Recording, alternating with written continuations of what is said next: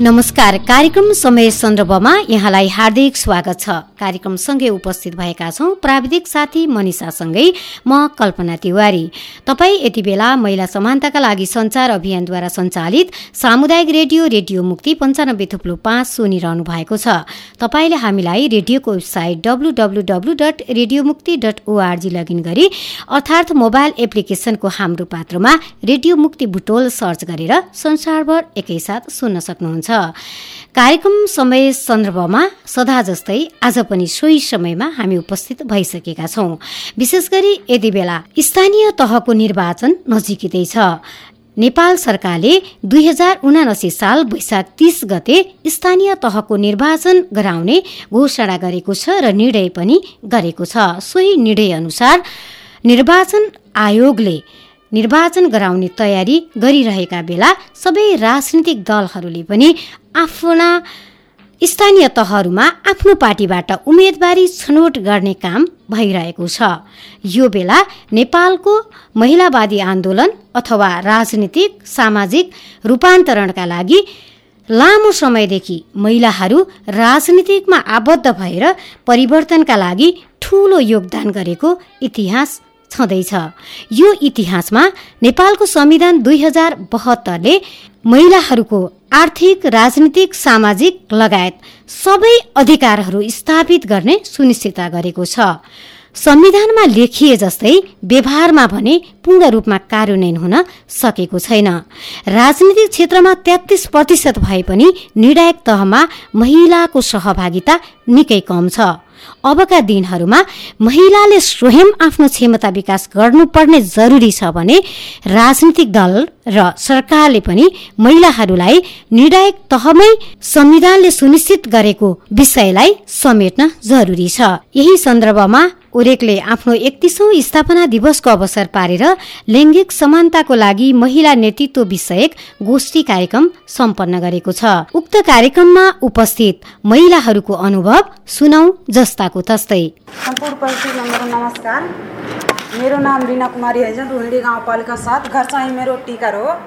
पहिला हामी एक वर्ष पहिलादेखि म किशोरी समूहमा काम गर्दै थिएँ अनि हामी जाँदाखेरि मेयर सरलाई मेयर सर मेरो यस्तो यस्तो अवस्था छ। मेरो घरबाट केही सपोर्ट मिल्दाखेरि अरूलाई सपोर्ट कसरी दिन्छ? पहिला त घरबाट नै सपोर्ट लिने पर्यो तर मेयर सरले बुझ्नुहुन्थेन हामीलाई मेयर सरले भन्दै अरे सर अलि बजेट अरूले हजुरले जान्नुहुन्छ अरू बजेट हामी दिदीसँग लिएर पछि हामी सबै कार्यक्रम सञ्चालन गर्न सक्छौँ। आरामदेखि अनि मेयर सरले भन्नुहुन्छ किशोरीलाई कहाँ आउँछ बजेट? बजेट त किशोरीको छैन। बजेट मिल्दै मिल्दैन। जुन कि हरेक वार्डमा हरेक गाउँपालिकामा मेयर सरलाई कुनै कुनै वार्डमा पनि मिल्छ हाम्रो पनि अधिकार छ तर हामी पाए छैन। मेरो अधिकार म नै पाए छैन के? हाम्रो गाउँमा उतातिर जुन छ बोर्डर एरिया हाम्रो गाउँ बोर्डर एरियातिर छ त्यतितिर यता त यति ज्ञान छ यति दिमाग छ त्यति उतातिर छैन के? उतातिर धेरै समस्या छ। ओट आउँदाखेरि सबै मान्छे जान्छन् ओट लिएपछि कोही झाक्न जाँदैन त्यहाँ। यस्तो अवस्था छ के? ओट आएपछि सबैजना जाएर हेर्छन् तिम्रो घरमा के छ कमी? के छ? तिमीलाई के जरुरत छ? तर इलेक्सन गएपछि त्यसको पछाडि कोही आउँदैन कि बहिनी अब ती भाइ दाई के समस्या छ तिमी घरमा के चाहिन्छ? कोही सोध्दैन के? इलेक्सन आउँदाखेरि सबै भन्छन् म यति गर्छु तिम्रो घर बिहे छ तिम्रो घर कोही बिमारी छ के छ म दिन्छु? तर इलेक्सन बितेपछि कोही सोध्दैन कि तिम्रो घरमा के छ के छैन। कसैले मतलब राख्दैन। इलेक्सन आउँदाखेरि सबैले मतलब राख्छन्। यो मेरो दाई हो यो मेरो भाइ हो यो मेरो नाना हो मेरो काका हो। तर इलेक्सन बितेपछि कसैले हामीलाई हेर्न सक्दैन।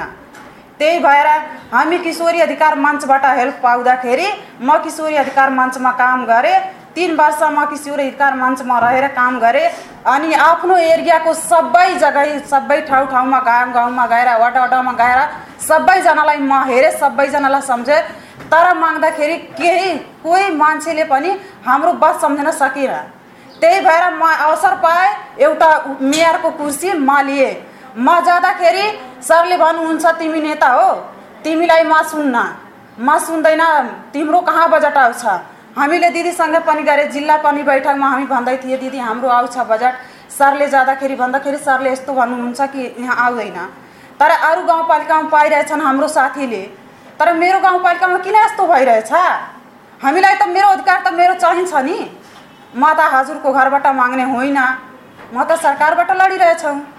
तर त्यहाँको जुन मेयरहरू सरको बोलाउँदाखेरि मेयर सरले उपमेयरलाई पठाउनुहुन्छ अनि उपमेयरले आउँदाखेरि म बहिनी काम गरे थिएँ मलाई थाहा छैन सायद म तिम्रो बजेट छुट्याइहालेँ। बजेट कता गयो हामीलाई थाहा छैन हाम्रो हातमा आए पनि छैन। अनि उहाँले भन्नुहुन्छ म बजेट छुट्याइदिन्छु। कहाँ गयो बजेट? यसको कुरा छ तिमी खाइहाल्यौ। यसको कुरा त्यहीँ आउँछ हामी पाएको छैन। अनि हाम्रो बजेट पनि छुट्यायो। हातमा आएन। मेरो बजेट छुट्यायो? कहाँ गयो मेरो बजेट? हामी नै खोज्ने हो। तर हामी पाउँदैन के?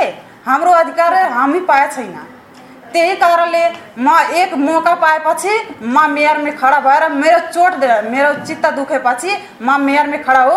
नत्र मेरो त्यस्तो अवस्था थिएन कि म मेयरमा उठ्छु किनभने मेरो मम्मी पनि छैन मम्मी पनि बितिसकेछ मलाई घरको सबै व्यवस्था देख्न पर्छ। त्यही भएर मेरो व्यवस्था थिएन कि म मेयरमा लड्छु। तर मेरो जस्तो अलि पछाडि मेरो जस्तो यति किशोरी दुखी छन् त्यसको हेर्न कोही छैन। त्यसै ए आफ्नो नसोचेपछि सबै किशोरीलाई आवाज लिएर म आज मेयरको कुर्सी चुनेको छु। त्यहीमा दुई शब्द भन्दा अन्त गर्न चाहन्छु हस् धन्यवाद। मेरो नाम मन्जु भूषाल। म पुटोल एघारमा बस्छु। म पेसाले यहाँ धेरैसँग मिल्दिनँ। म निर्माण व्यवसाय। प्रदेश नम्बर पाँचको उपाध्यक्ष। सबैलाई सर्वप्रथम त मैले हार्दिक आभारसहित नमस्कार। अब यो प्रश्न उत्तर समीक्षा के के के अब कताबाट सुरु गरेर कताबाट दिउँ जस्तो लाग्यो। अब सुझाव पनि कसरी दिने अनुभवको आधारमा पनि लाग्यो।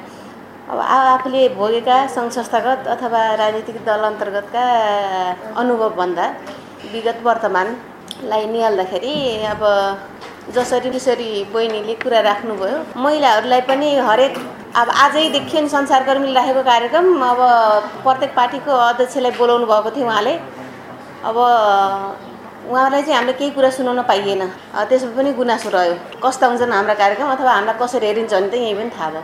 र अर्को दोस्रो कुरा के रह्यो भने अब सङ्घ संस्थागत राजनीति गर्दा अथवा पार्टी प्रतिनिधित्व राजनीति गर्दाखेरि भोगेको कुरामा त अब साह्रै नौला कुरा छन् जस्तो लाग्दैन। त्यति सजिलो पाइन्छ जस्तो पनि लाग्दैन। तर पनि चुनौतीसँग भाग्न पनि भएन भाग्यको पनि छैन भाग्यको छैन र यहाँसम्म आइएछ सबैजना। त्यसरी लाग्छ। अब यहाँहरूले यो तहगतमा महिलाको सहभागिता कसरी गरौँ नेतृत्वमा कसरी ल्याउने भनेर चाहिँ जागेश्वरीजीले भने जस्तै अब मेयर उपमेयरको छलफल हो भने अब प्रदेश स्तरको नेतृत्व ल्याएर बेसरी घनीभूत छलफल हुन पर्थ्यो। वार्ड स्तरीय हो भने जिल्लाको नेता चाहिन्छ। अब अनि नगर स्तरीय छ भने त अब नगरको त अब चिन्ने कुरा भएन। नेतृत्व नेता नेतृत्व हुने भयो। अब नगरपालिका गाउँपालिका त उपप्रमुख प्रमुखकै कुरा भयो।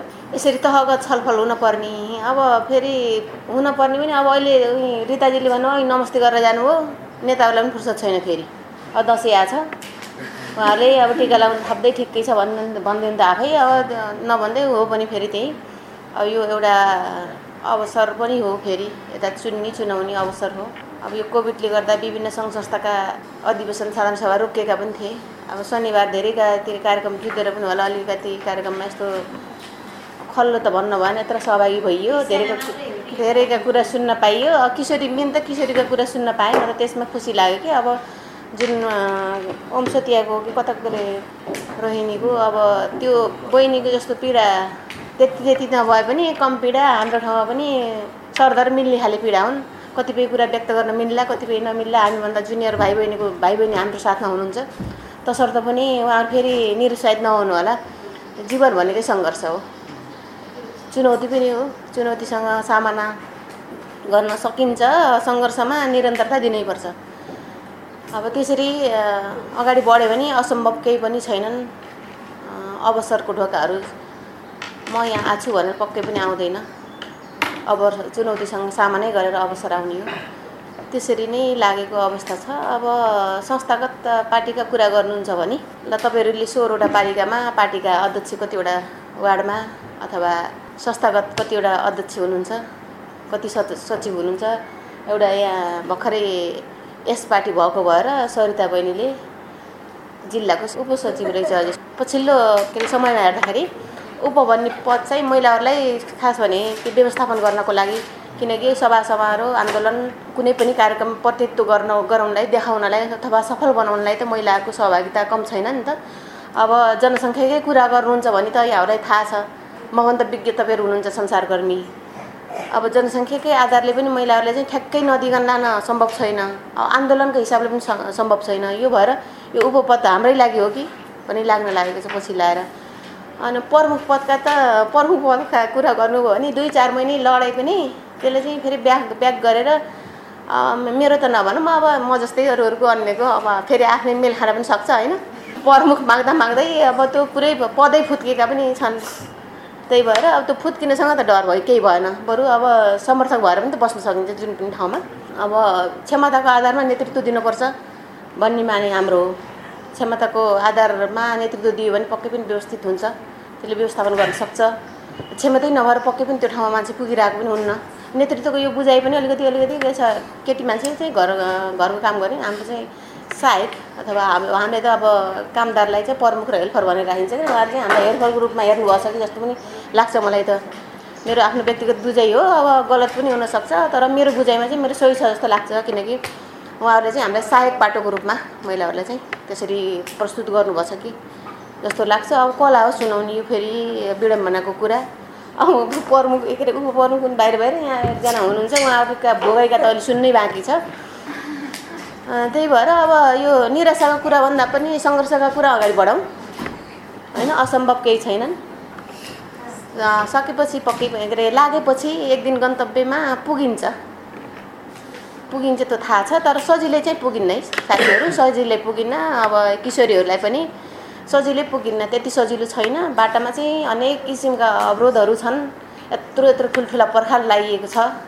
तिनी पर्खाल सजिलै तोडिनुवाला पनि छैनन्।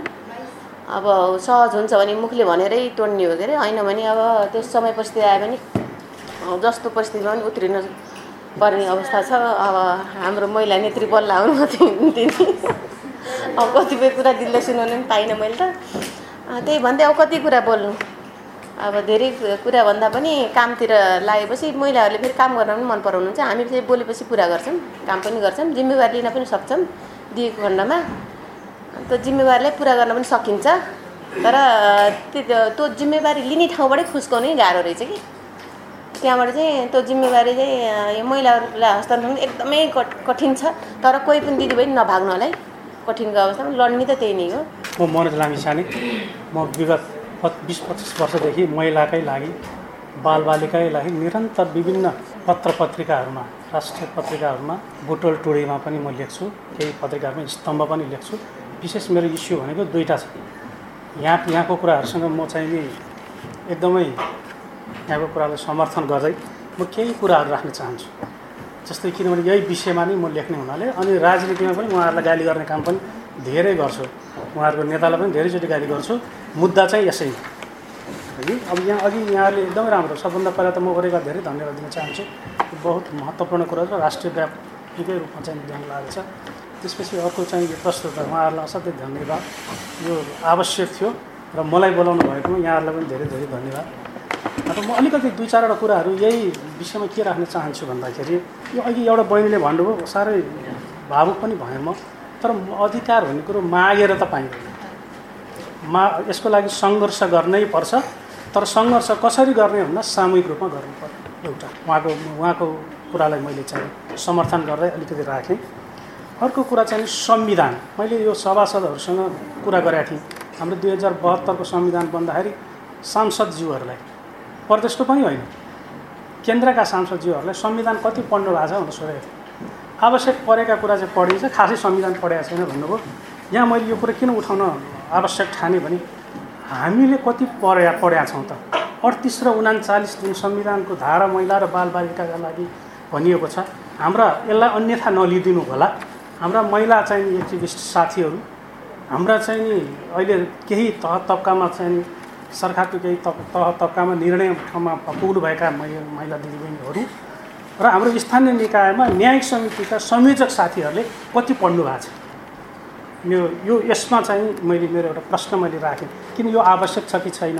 नत्र भने यी कुराहरू नै हाम्रो अधिकारका कुराहरू संविधानमा भनेका बहत्तरले भनेका कुराहरू अडतिसले भनेका कुराहरू त महिलाको चाहिँ प्रजनन स्वास्थ्यको अधिकार शिक्षाको अधिकार स्वास्थ्यको अधिकार अर्थपूर्ण सहभागिता अधिकार समानताको अधिकार राज्यको हरेक निकायमा चाहिँ अधिकार भन्ने कुराहरू छ नि त। भनेपछि यसमा हामी यस कुरालाई हामी कतिको हेरेका छौँ? त्यो नहेरिकन त यी बहसमा हामी कसरी अगाडि बढ्न सक्छौँ र त्यसकारण एउटा कुरा चाहिँ यो चाहिँ म यहाँहरूलाई अनुरोध गर्न चाहन्छु। र अर्को चाहिँ नि यो तेत्तिस प्रतिशत ए बाबा आधा आकाशमा नागेको महिलाहरू हुन्छ। अस्ति मैले यो राष्ट्रिय महिला उसकोमा पनि मलाई बोल्ने बेला यही शब्द बोलेको थिएँ। म यही शब्द बोल्न चाहन्छु।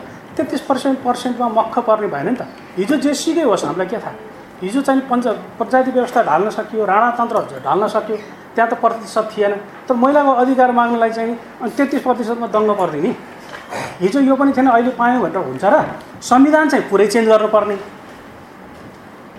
व्यवस्था पुरै परिवर्तन गर्नुपर्ने। अनि त्यो अङ्क राख्दाखेरि चाहिँ कन्जुसाइ किन गर्ने? भनेपछि यहाँनिर प्रश्न हामीले खोज्ने कि नखोज्ने? समग्र महिलाहरूले खोज्नुपर्छ कि पर्दैन? त्यसकारण यो कुराहरू पनि यसैसँग सम्बन्ध भएर मैले राखेँ। अर्को कुरा मैले के राखेँ भन्दाखेरि अब अहिले सबभन्दा अचम्म कुरो त राष्ट्रपति महिला हुनुभयो। हिजो त्यही चाहिँ नि के अरे हाम्रो रामवरण यादव हुँदाखेरि राष्ट्रपति हुँदाखेरि र अहिलेको चाहिँ नि राष्ट्रपतिको हेर्नुहोस् त अवस्था। त्यही हजारौँ कयौँ कयौँ वर्षदेखिको पुरुषहरू चाहिँ प्रधान न्यायाधीश भएको अवस्था र अहिले सुशीला कार्की विगतमा भएको अवस्थालाई हेरौँ त किन यो अवस्था आइराखेको छ त? यो कुरा सोच्नुपर्ने हो कि होइन हामीले? र अर्को कुरा म यहाँलाई अलिकति के राख्न चाहन्छु अब तेस्रो लैङ्गिकको अब यो अलिकति महिलाहरूको अर्थपूर्ण सहभागिताको कुरामै म जोड्दाखेरि यो तेस्रो लिङ्गीको अवस्था फरक क्षमता भएका अवस्था यौनिक तथा अल्पसङ्ख्यकको अवस्थाको त डरलाग्दो छ। यो त प्रश्नै उठ्दैन। कतिजना चाहिँ नि चाहिँ नि अल्पसङ्ख्यकका महिलाहरू फरक क्षमताका चाहिँ नि महिलाहरू कति चाहिँ तेस्रो लिङ्गी महिलाहरू नि हाम्रो राज्यको निकायमा छन् र हाम्रोको अहिलेको चाहिँ स्थानीय निकायमा छन् भन्ने पनि त प्रश्न हो नि त। यो प्रश्नको हामीले उत्तर केलाउने कि नकेलाउने त? होइन? त्यस कारण अलिकति मैले धेरै बोलेँ कि के हो? मलाई दुई चारवटा यो बोल्नै पर्न मन लागेको भएर पनि मैले यो विषयमा राख्न खोजेको हुँ माफ गर्नु होला अब अर्को यो हेर्नुहोस् त अर्को बालबालिकाको अवस्था हेर्नुहोस् त। अब एउटा महिलाको स्थानीय निकायमा बसेका महिलाहरूको त अवस्था छ राज्यको संयन्त्रमा बसेको उहाँहरूको अवस्था चाहिँ त्यति गाह्रो द दयनीय छ भने हिजो त्यो एकजना महिलाले झन्डासँग बहिनीले झन्डा सङ्घर्ष गर्नुभएछ उहाँहरूको अवस्था त काहाली लाग्दो छ नि त। यसलाई सञ्चार माध्यमले पटक पटक उठाउने कि नउठाउने त मेरो प्रश्न। पऱ्यो नि त। मैले पनि मेरो पनि जिम्मेवारी हो यो। म यसबाट भाग्न खोजेको होइन। भनेपछि सबैले उठाउनु पऱ्यो नि त। होइन? अब अर्को यहाँ चाहिँ नि अलिकति उठा। अब अर्को मलाई अस्ति पनि मैले एउटा चाहिँ इन्टरभ्यूमा दिएको थिएँ। महिलाको अङ्ग काटेर किडनी फेर्नु पऱ्यो भने महिलाले आफ्नो अङ्ग काटेर पुरुषलाई दिने सङ्ख्या बढी छ अनि त्यही श्रीमानसँग महिला अधिकारको लागि हामीले बहस गर्नु परेको छ। हेर्नुहोस् कति कति उदय लाग्दो छ। कति गाह्रो छ कि? वास्तवमा सोच्ने हो भने नि भने यसको लागि यसको यो किन भइरहेछ यो सोच्नु पऱ्यो नि त। र अर्को म यहाँ अलिकति के भन्छु भने अर्को मलाई अचम्म लागेको कुरो म यसमा आर्टिकल पनि लेख्दैछु। बल बलात्कार गर्नेको चाहिँ नि इज्जत नजाने। जो पीडित छ उसको इज्जत जाने हेर्नुहोस् त। कस्तो विडम्बना। यसलाई अर्को अर्थले नसोच्नु होला। के त पुरो महिलाहरूको चाहिँ नि इज्जत एउटा योनिमा छ त। कस्तो लाज लज्जास्पद कुरो के? जसले बलात्कार गर्यो त्यसको पो इज्जत जानु पऱ्यो त।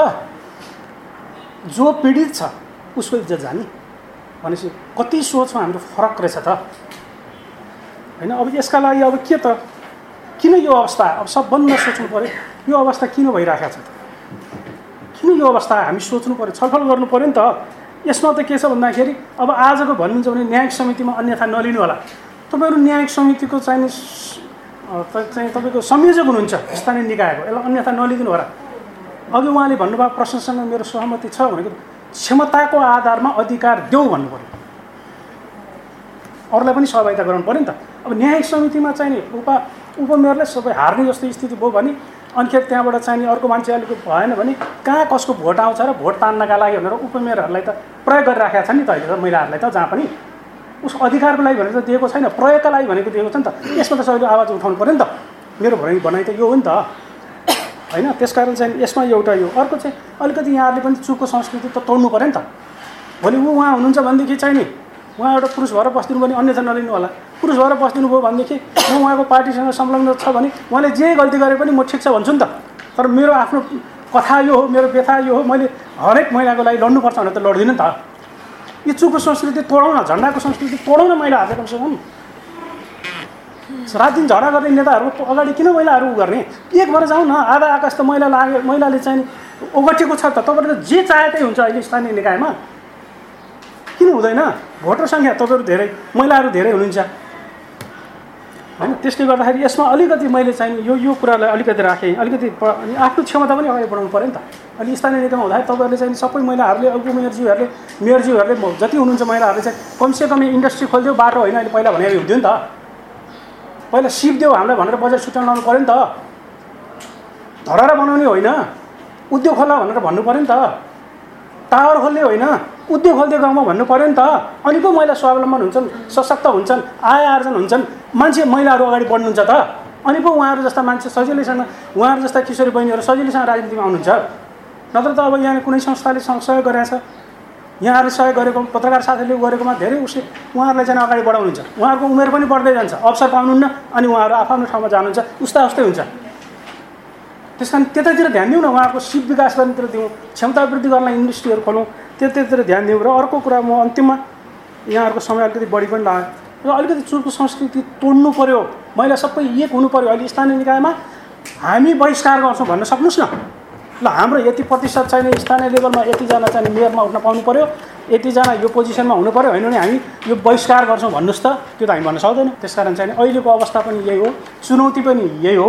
र अब गर्ने कुराहरू पनि मैले अघि गरिहालेँ। हस् धन्यवाद। मेरो नाम टिका ओली। म अखिल नेपाल महिला सङ्क्रान्तिकारीको यसै जिल्लाको अध्यक्ष नेकपा माओवादी केन्द्र प्रदेश कमिटी सदस्य र यो अन्तर्पार्टी महिला सञ्जालबाट यहाँ आएको रहेछु भन्ने कुरोमा यहाँ आएपछि थाहा पाएँ। र मलाई कुरा बहिनीको कुरा सुन्यो र सरको कुरा सुन्दै गर्दा एकदमै यथार्थपरक कुराहरू जे हाम्रो मनमा लागिराखेका कुराहरू यहाँ पस्किनु भयो र मलाई के लाग्छ भने यी सबै विषयहरूमा हुन त स्थानीय निर्वाचन केन्द्रित हो भन्ने जस्तो मैले बुझाएको थिएँ। र त्यो विषयभन्दा पनि अर्थपूर्ण सहभागिताको कुरा नै आजको महत्त्वपूर्ण चुनौती साँच्चैकै चुनौती हो र यो चुनौतीभित्र थुप्रै सम्भावनाहरू पनि छन्। र यस्ता यस्ता अन्तर्क्रियाले कोही पनि हामीलाई अझै पेचिलो ढङ्गले लाग्न नै प्लस पोइन्ट दिनेछ भन्ने मलाई लाग्दछ। र विशेष गरी हामी जसरी तेत्तिस प्रतिशत महिला महिलाको प्रतिनिधित्वमा आउन चाहन्छौँ म सायद लाग्छ हुन त सरले भने जस्तो हामी त आधा आकाश आधा के अरे धरती ओगटेका महिलाहरू होइन भोटको सङ्ख्या हेरौँ महिला धेरै ऱ्यालीमा सहभागिता महिलाको धेरै सबै ठाउँमा सहभागी हुने महिला तर निर्णायक ठाउँमा जाँदाखेरि पुरुषहरूको मात्रै सहभागिता हुने जुन प्रकारको हाम्रो अगाडि चुनौती छ यो कुरामा पनि सायद लाग्छ। यो तेत्तिस प्रतिशत हुन त त्या अहिले त हामीलाई त्यही तेत्तिस प्रतिशत पनि अब हरेक यही स्थानीय तहमा आज प्रमुख पदहरूमा सबै ठाउँमा तेत्तिस प्रतिशत लागू गरेको भए पनि ठुलो उपलब्धि मान्छौँ नि त हामी त अहिले। होइन तेत्तिस प्रतिशत अब जस्तो संविधानमा एउटा लिपिबद्ध ढङ्गले तेत्तिस प्रतिशत महिलाको प्रतिनिधित्व भन्ने त्यहाँ लेखिएर नै दिन बाध्य भइएको हो क्या यहाँ? अनि मलाई त्यो लाग्छ मेरो आफूलाई लाग्ने कुरा चाहिँ अब ज जबसम्म हामी सङ्घर्ष गरेर निरन्तर सङ्घर्ष गरेर के अरे कानुनमा लिपिबद्ध गराउन सफल हुँदैनौँ हामी त्यहाँसम्म हामीले जति नै सङ्घर्ष गरे पनि हामी जबसम्म कानुनमा लेखाउन सफल हुँदैनौँ तबसम्म हाम्रो अधिकार अधिकारमा मात्रै सीमित हुन्छ जस्तो मलाई मेरो आफ्नो बुझाइरहेको छ। जबसम्म तेत्तिस प्रतिशत महिला सहभागिता समानुपातिक समावेशीको कुरा हो यो कुरा पनि सानोतिनो सङ्घर्षले त आएको होइन। सायद लाग्छ म आफै पनि त्यो एउटा तेत्तिस प्रतिशत महिला सहभागिता हुँदासम्मको एउटा त्यो त्यो दिनसम्मको एउटा निरन्तर एउटा भनौँ न सङ्घर्ष यात्री हो। जहाँसम्म लाग्छ मेरो म जन्मेको भूमि जाजरकोट एउटा छ नम्बर प्रदेशको एउटा दूरदराजको ठाउँबाट म सङ्घर्ष गर्दै गर्दै अधिकारको लागि सङ्घर्ष गर्दै गर्दै यो बुटोलमा आफ्नो कर्मथलो बनाएर म यहाँ बसिरहेको छु के? होइन त्यो हिसाबले म आफूलाई पनि केलाउँदै जाँदाखेरि र तेत्तिस प्रतिशत महिला प्रतिनिधित्वको जुन अवस्था आएको यो अन्तर्पार्टी महिला सञ्जालले ठुलो सङ्घर्ष गरेर होइन अब चालिस प्रतिशत महिलाहरूले यो देश यो देशमा महिला अधिकार प्राप्तिको निम्ति बन्दुक उठाएर सङ्घर्ष गरेको हो। चाहे त्यो सही थियो या गलत थियो त्यो बसको विषय सबै अब आफ्नो आफ्नो कोण छन् आफ्नो आफ्नो दृष्टिकोण छन् आफ्नो आफ्नो भिजन छन्।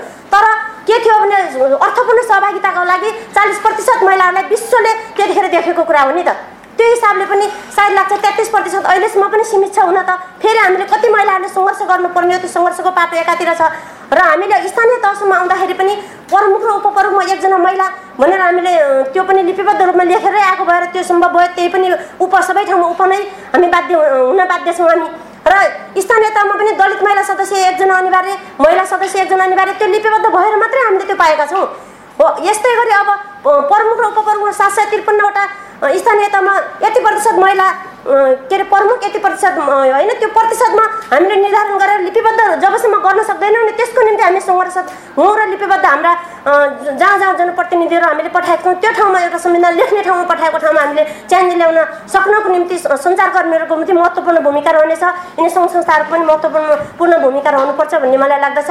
र हामी राजनीतिक कर्मीहरू पनि आफ्नो ठाउँबाट हामी निरन्तर सङ्घर्षरत छौँ। भन्ने कुराहरू मैले यहाँहरूको बिचमा राख्छु र हाम्रो तिलोत्तमा नगरपालिकाको एउटा महत्त्वपूर्ण प्रोग्राम भएको कारणले गर्दाखेरि म त्यहाँको अलिकति जिम्मेवार ठाउँ भएको भएर म यहाँबाट बिदा पनि लिन चाहन्छु। मेरो नाम चाहिँ मिनाक्षी हो। बहिनीहरू सन्चै हुनुहुन्छ होला होइन? सबै सन्चै हुनुहुन्छ होला। म चाहिँ अलिकति भावुक पनि भएको छु है अनि अब बोल्ने चाहिँ त्यति जाँगर चाहिँ छैन। किन भन्दा सरले अघि जे जति कुरा उठान गर्नुभयो त्यसमा एकदम दुई सय प्रतिशत सहमति। र हामी चाहिँ खास मुद्दाभन्दा बाहिर गइरहेको जस्तो लाग्यो मलाई। किशोरीहरू पनि यहाँ हुनुहुन्छ हजुरहरूले पनि यो सवाललाई बुझ्नुहोस्। आज हामी अर्थपूर्ण सहभागिताको कुरा गरिरहेका छौँ र हामीसँग अर्को भनेको हाम्रो संविधानले व्यवस्था गरेको तेत्तिस प्रतिशत छ। यो तेत्तिस प्रतिशत भन्नेलाई अब हजुरहरू पनि यहाँ हुनुहुन्छ म हजुरहरूलाई के भन्नु तेत्तिस प्रतिशत भनेको बेसिक हो कि? त्यो न्यूनतम आवश्यकता हो। न्यूनतम त हामीलाई चाहिँ तिर तिरानब्बे बनाउनको लागि कसैले रोकेको छैन। त्यसका लागि लड्ने कि नलड्ने? त्यसका लागि लड्ने कि नलड्ने? अनौठो कुरा के छ भन्दा हिजो हामी हामी फ्रेमबाट बाहिर निस्केकै छैनौँ। धन्नै त्यही तेत्तिस प्रतिशत भएको भएर तेत्तिस प्रतिशतमा कस्तो मान्छे राख्यो भन्दाखेरि हस सबैलाई त भन्न मिल्दैन तर हस कुमारी हस देवीहरूलाई चाहिँ समेट्न बाध्य। किनभने एउटा कुरा के जानिराखौँ भन्दा हाम्रोमा जो पुरुषहरू आउनु भएको छ जो नेतृत्वमा आउनु भएको छ उहाँहरू त्यही कुवाको पानी खाएर आउनुभएको छ जहाँ चाहिँ पितृसत्ताले मजाले हुर्काएको छ उहाँहरूलाई। तपाईँहरू यो कुरा के बुझ्नुहोस् भन्दा हामीलाई उहाँहरूले सपोर्ट गर्नुहुन्न के? तपाईँहरू यो कुरा कहिले बुझ्नु तपाईँहरूको पालो तपाईँहरूको श्रीमान बाई चान्स तपाईँको श्रीमान पोलिटिसियन हुनुहुन्छ भने त्यो नमरन्जरी पालो आउन यार। बुझेको हो कि होइन?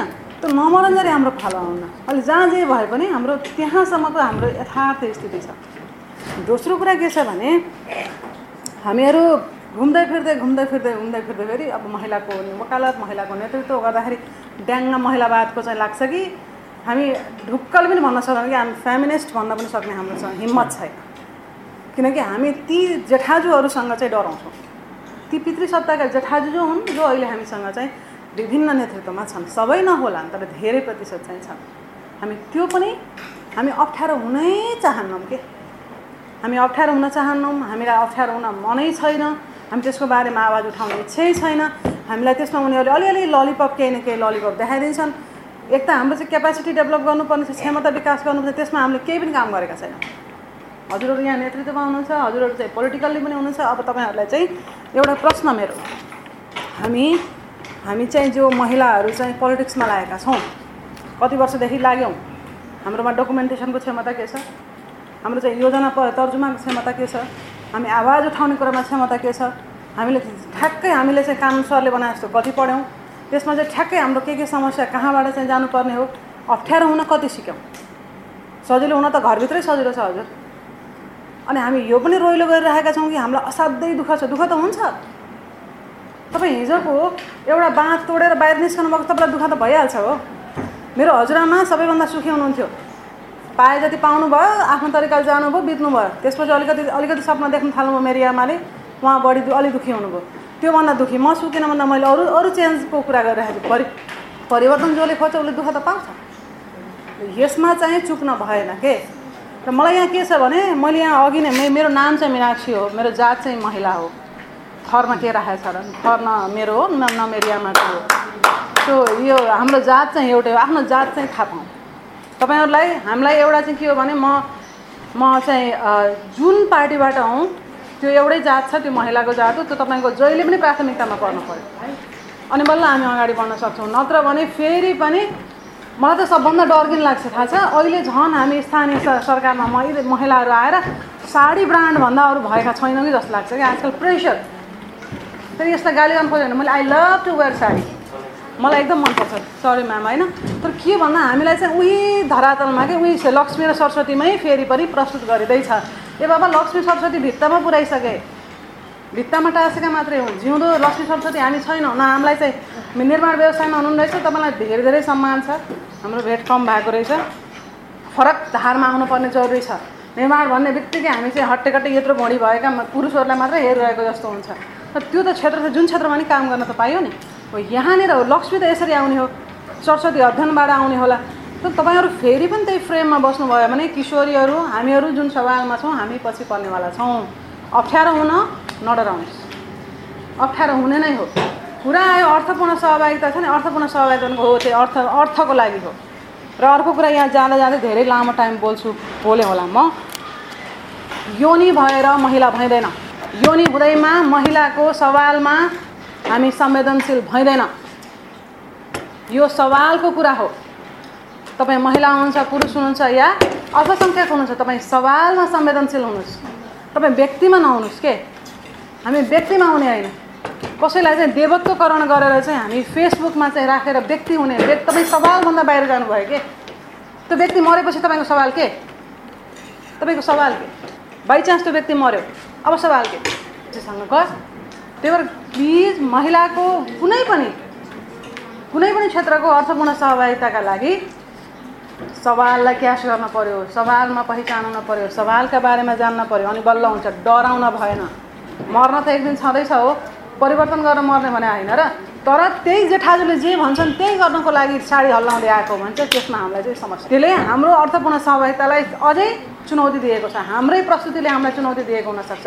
हामी तिखारिन जरुरी रह्यो हाम्रो यो सहभागिता पाँचौँजेल रहनेछ। यो अभियानको लागि यो अभियानमा हामी सँगै छौँ र यो राष्ट्रव्यापी अभियानमा चाहिँ मेरो पनि आफ्नो व्यक्तिगत र संस्थागत रूपमा पनि म यहाँहरूलाई चाहिँ स के सहमति र सहभागिता प्रतिबद्धता जनाउँदछु र अबको सवालमा चाहिँ कृपया प्लिज तपाईँहरू सबैले चाहिँ अलिकति अप्ठ्यारो अर्थपूर्ण हुनको लागि चाहिँ कोसिस गरौँ। कसरी गर्ने भने सञ्जालीकरण गरौँ दिमागको प्रयोग गरौँ अध्ययनको प्रयोग गरौँ जोसँग जोसँग जे क्षमता छ त्यसको प्रयोग गरौँ र एकै ठाउँ रहौँ आफ्नो जातलाई नबिर्सौँ। धन्यवाद। म सिभिल नेपालमा रहेर विगत बिस वर्षदेखि चाहिँ काम गर्छु।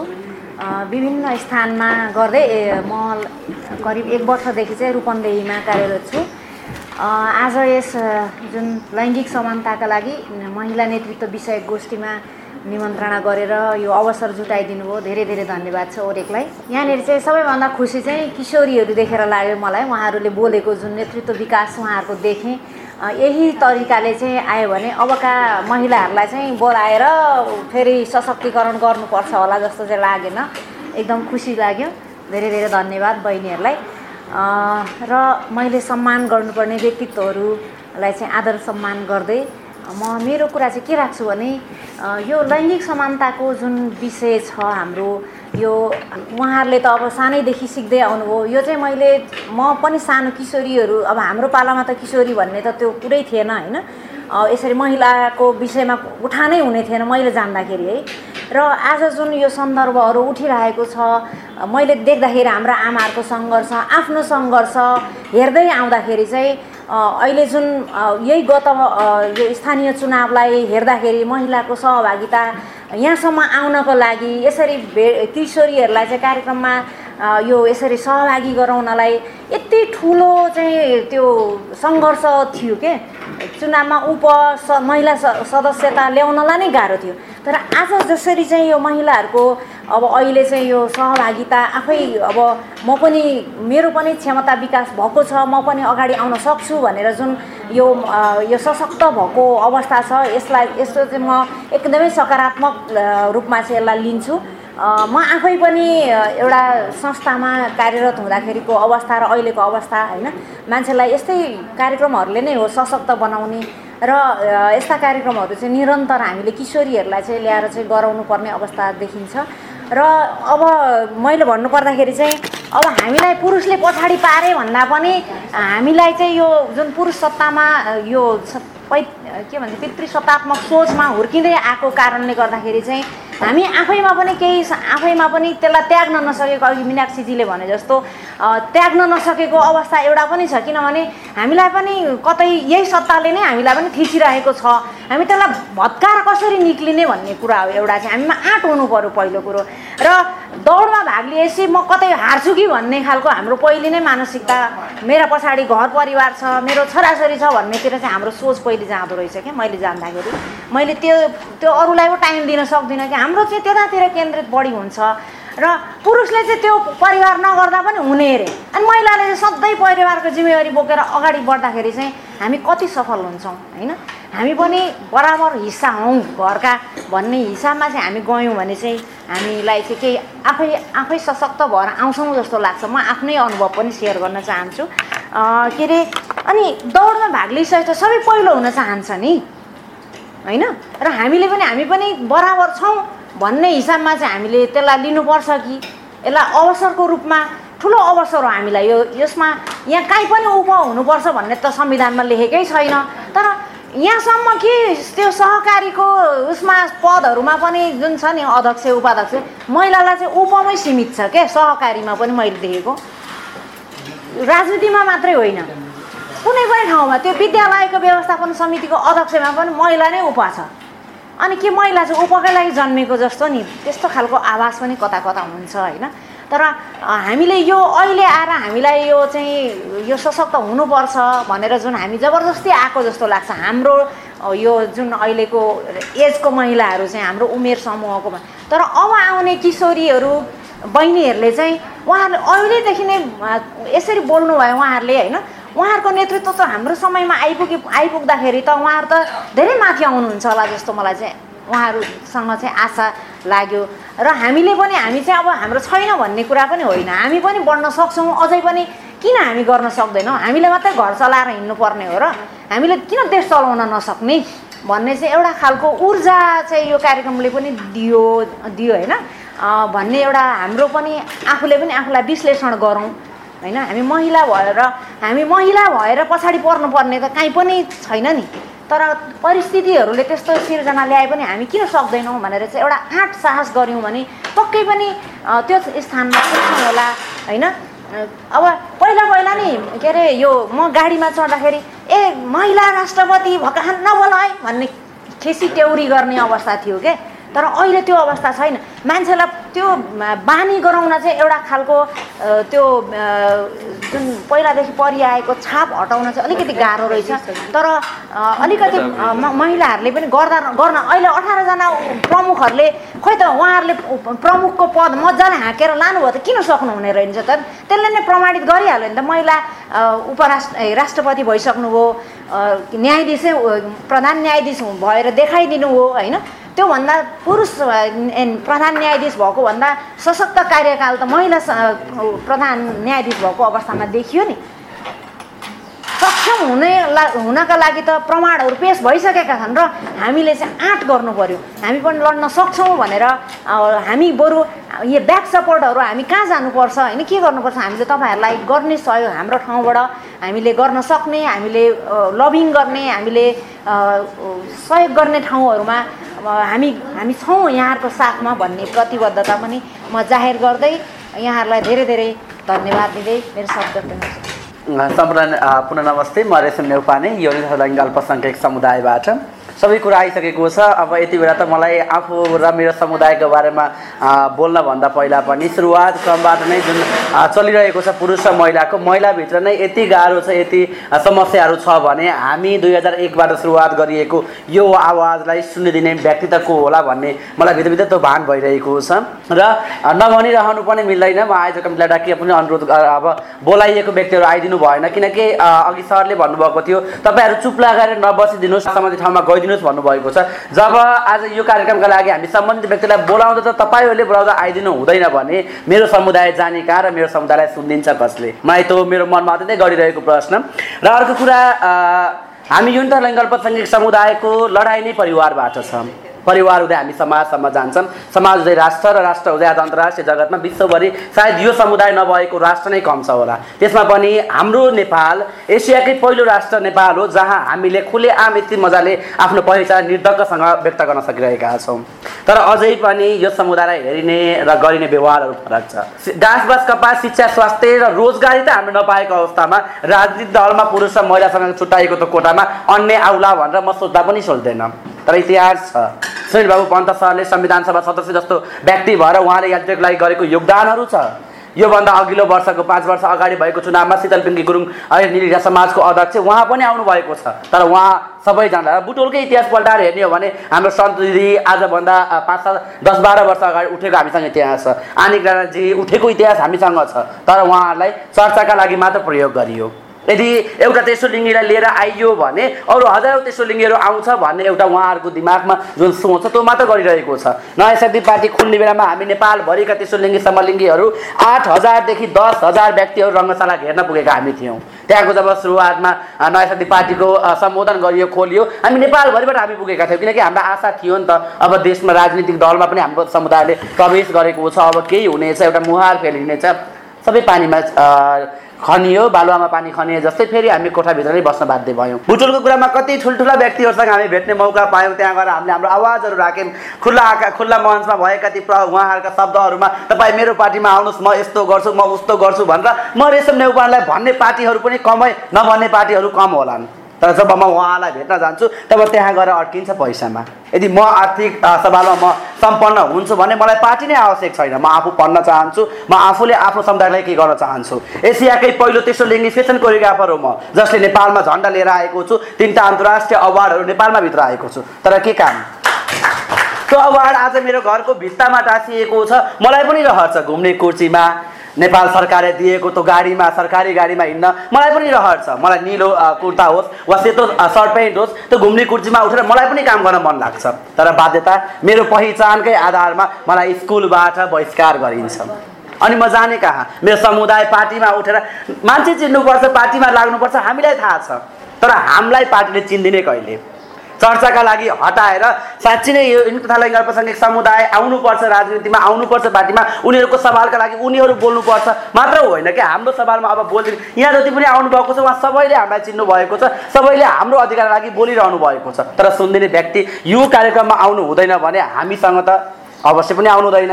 त्यसैले हाम्रो अनुरोध के हो भने जब हामी यहाँबाट गइन्छ हिजो पनि हामी तिन चार घन्टासम्म हामी हाम्रो म्यामसँग उपम्याम म्यामसँग बस्यौँ। त्यहाँ पनि मेरो गुनासो यही थियो हामी त्यही कुरा गऱ्यौँ। तर जुन तरिकाको सपोर्ट उहाँहरूले हामीलाई दिनुभएको छ अब अवश्य नै अब साँच्ची नै अब हामी महिलाभित्रको हामी पनि महिला हो नि त।